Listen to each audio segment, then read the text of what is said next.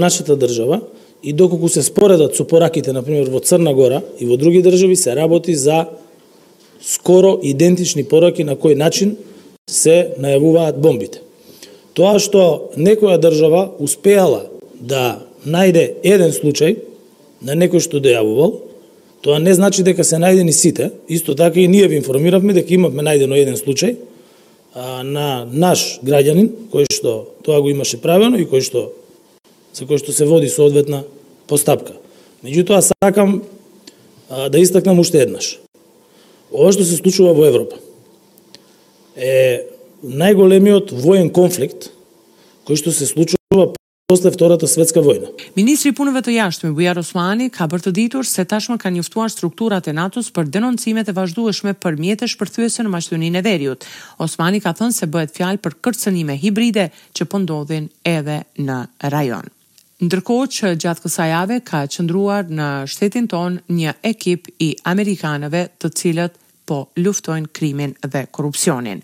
I pari i shtetit, Stevo Pendarovski, ka thënë se ekipi amerikan ka vizituar vendin edhe më herët dhe se e njëjta bëhet për të krijuar më pas të ashtuquajturën Lista e Zezë e Shteteve të Bashkuara të Amerikës.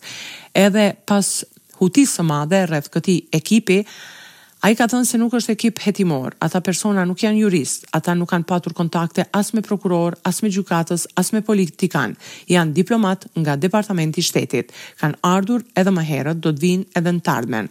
Ata mbledhin informacione në lidhje me atë se çfarë po ndodh në gjyqësor dhe më pas në mënyrë autonome të pavarur nga ne e krijojnë të ashtuquajturën listë e zezë apo lista e personave dhe etniteteve nën sanksione, tha Stevo Pendarovski. Ekipi i sanksioneve të Shteteve të Bashkuara të Amerikës erdhi, kërkoi atë që u duhej dhe u kthye në Uashington.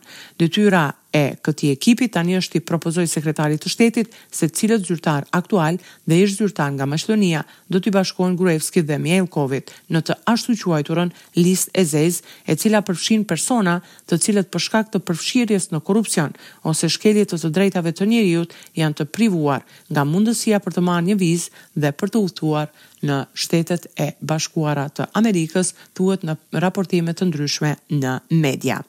E nga ngjarje të tjera do të përmendim shënimin e njëzet e tetë vjetorit të legalizimit të Universitetit të Tetovës. Janë ndarë njëqind e trembëdhjetë bursa për studentët ekselentë, si dhe është mbajtur një akademi solemne me ç'rast ka folur edhe rektori i ri i këtij universiteti, Kushtrim Ahmeti. Për më tepër, ndjekim deklaratën e tij.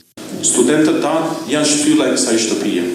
Ne po punojmë çdo ditë për të ndërtuar mirëqenien dhe një të ardhme të qëndrueshme të universitetit. Studentët e sotëm janë ata që do të formësojnë të ardhmen dhe detyra dhe është detyra jonë si universitet t'u ofrojmë atyre pikënisje më të mirë të mundshme për ndryshimet e botës. Ndërkohë në rrafshin kulturor vjen lajmi i vitit për kulturën shqiptare.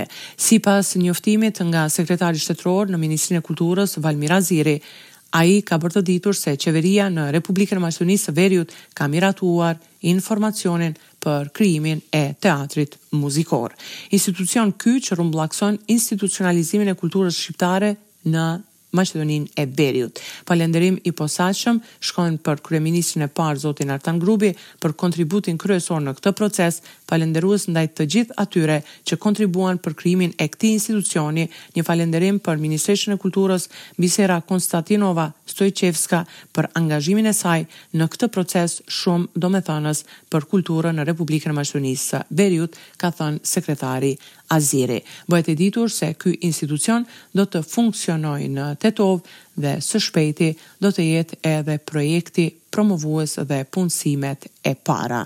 Ky është edhe institucioni që pritej të rrumbullakëson në përgjithësi institucionalizimin e kulturës shqiptare në vendin tonë. Për Radion SBS raporton nga Republika e Maqedonisë së Veriut, Besiana Mehmedi.